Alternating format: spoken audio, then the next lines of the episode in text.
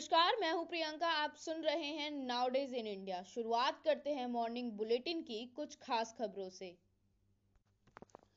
दिल्ली में शराब की दुकानों पर लगा ताला जी हाँ, हैरानी की बात तो है कि अर्थव्यवस्था को सुधारने का सही तरीका रही शराब की दुकान को अब आखिर बंद क्यों किया जा रहा है? सूत्रों के मुताबिक पता चला है, शराब की प्राइवेट दुकानें डेढ़ महीने तक बंद रहेंगी।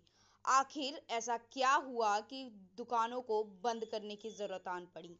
बताया जा रहा है, शराब की किल्लत होने के कारण दिल्ली आबकारी विभाग ने यह आदेश दिया और साथ ही पुराने माल को स्टॉक करने को कहा है। दिल्ली आबकारी विभाग के एक वरिष्ठ अधिकारी ने बताया 16 नवंबर तक मार्केट में नहीं स्टॉक नहीं आ पाएँगे, जिस वजह से ये कदम उठाया जा रहा है।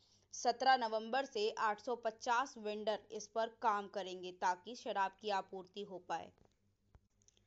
कारोबारियों की नई पाठशाला खुलेगी अब लाल किला में। जी हाँ ये खबर उनके लिए बहुत अच्छी है, जो स्टार्टअप पर काम कर रहे हैं, एंटरप्रेन्योर बनना चाहते हैं या अपना बिज़नेस सेटअप करना चाहते हैं।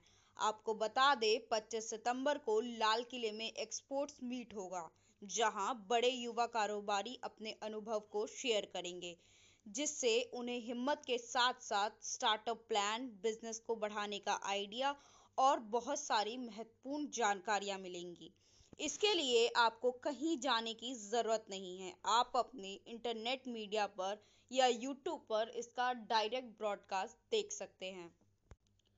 ठगी का नया उपाय, एटीएम कार्ड बदलकर निकाले पैसे। वैसे तो ठगी हर बार नए नए पैतरे लेकर आते हैं, लेकिन इस बार एक अलग ही तरीका खोजा है। सूत्रों के मुताबिक एक युवक एटीएम से पैसे निकालने पहुँचे। वहाँ पर एक युवक ने भीड़ का सहारा लेकर युवक से अपना कार्ड बदल लिया, जिसके बाद युवक के बैंक अकाउंट से एक लाख चालीस हज़ार रुपए निकाल लिए गए। युवक ने नजदीकी पुलिस थाना नाहरपुर में मामला दर्ज करवाया है। पुलिस कर्मियों ने मामले की तहकीकात कर छानबीन शुरू कर दी है। अब तक उस चोर का कोई पता नहीं चला है।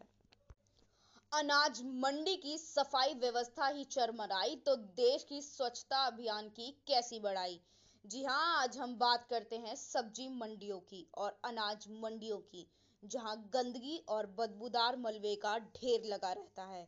सिर्फ़ इतना ही नहीं, पूरे मार्केट में गंदगियों पर जानवरों का झुंड भी रहता है। हैरानी की बात तो ये है, ऐसा सिर्फ़ दिल्ली के ओखला सब्ज़ी मंडी या आजादपुर सब्ज़ी मंडी में नहीं, बल्कि एनसीआर के सोहना सब्ज़ी मंडी और अन्य सभी सब्ज़ी मंडियों का यही बदहाल मंजर है। तो मेरा सवाल ये है, अगर पॉलिटिशियन साफ़ रोड पर झाड़ू लगा सकते हैं तो सब्ज़ी मंडियों की सफ़ाई क्यों नहीं करवा सकते? या यहाँ पर ज़रूरत है मार्केट कमेटियों पर सिकंजा कसने की।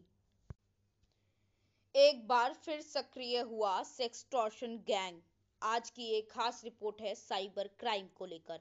आज जिस तरह से हमारे लिए खाना पीना ज़रूरी है, सांस लेना ज़रूरी है, उसी तरह ज़रूरी है इंटरनेट इंटरनेट आजकल solution to all of the problem बन चुका है।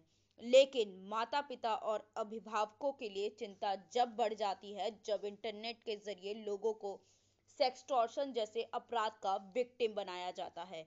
ये वर्ड जितना नया है, उतना ही साइबर क्राइम के मामले में सामने आ रहा है। सेक्सटॉर्शन शोषण का वो तरीका है जिसमें गिरोह के लोग इंटरनेट या सोशल मीडिया पर दोस्ती करके लोगों को सेक्सुअल फ़ोटो और वीडियोस भेजते हैं और साथ ही इसके द्वारा डरा धमका के लोगों को ठगने का काम करते हैं। आजकल दिल्ली और एनसीआर में सेक्सटॉर्शन केसेस के मामले बढ़ते जा रहे हैं। दिल्ली पुलिस की ऑफिशियल ट्विटर अकाउंट पर लोग वारदात को बताते हैं। दिल्ली पुलिस की साइबर सेल इस पर लगातार कार्रवाई कर रही है, लेकिन मामलों में कोई कमी नहीं आ रही है। एक जिम्मेवार नागरिक होने के कारण हमारा ये फ़र्ज़ है हमें लोगों को और नव युवकों को जागरूक करना चाहिए और उन्हें बताना चाहिए कि कैसे वो इस अपराध के शोषण से बच सकें। नशे की हालत में धुत नज़र आए हेड टीचर जी हाँ आप बिल्कुल सही सुन रहे हैं। हेड टीचर स्कूल टाइमिंग में ही नशे की हालत में धुत नज़र आए। और छोटे बच्चों के सामने ही वो ज़मीन पर लौटने लगे। ये मामला है छत्तीसगढ़ के कोरबा ज़िले का, जहाँ हमारे देश के प्राइमरी स्कूल के टीचर्स ही ऐसे रहेंगे तो वो बच्चों को क्या सिखाएँगे? ये मामला जुड़ा है छोटे बच्चे के भविष्य से लेकर उनके अभिभावकों तक। हमारे देश में शिक्षा स्तर को बढ़ाने के लिए पिछले तीन दशकों में बहुत प्रयास किए गए हैं। डिफरेंट स्कीम्स के तहत डिफरेंट स्ट्रेटेजी लगाई गई, नई शिक्षा नीति लाई गई। लेकिन जब इनके संचालक और अध्यापक ही ऐसे होंगे तो हम आने वाले पीढ़ियों से क्या उम्मीद लगा सकते हैं? हालाँकि घटना की सूचना मिलते ही जिला प्रशासन ने तुरंत प्रधानाध्यापक को निलंबित कर दिया और स्कूल की चरमराई व्यवस्था की नकेल कसी लेकिन ये कहाँ तक जायज़ है इस बात का अंदाज़ा आप खुद लगा सकते हैं। केरल में कहर बरपा रहा कोरोना, हालात सुधारने की कोशिशें नाकाम। जी हाँ पिछले दो सालों में कोरोना ने पूरी दुनिया को हिलाकर रख दिया है। हमारे देश में कोरोना की दूसरी लहर का पीक भी खत्म हो गया। लेकिन ये खत्म होने के बाद भी केरल में कोरोना के मामलों में कमी नहीं आ पा रही है। जब पूरे भारत का पॉजिटिविटी रेट सिर्फ़ दो परसेंट रह गया है तब केरल का पॉजिटिविटी रेट सत्रह परसेंट है। अगर हम बात करें आंकड़ों पर तो पिछले 24 घंटों में पूरे देश में इकतीस मरीज़ सामने आए हैं और अकेले केरल से इसमें सत्रह मामले सामने आए हैं। डॉक्टर इसे लेकर चिंता भी जता चुके हैं और तीसरी लहर को लेकर अलर्ट भी कर चुके हैं, लेकिन फ़िलहाल स्थितियों में कोई सुधार नहीं नज़र आ रहा है। हालाँकि राहत की बात है, हमारे देश में कोविड 19 टीकाकरण अभियान बहुत तेज़ी से चल रहा है, जिससे संक्रमण पर जल्द से जल्द काबू पाया जा सकता है।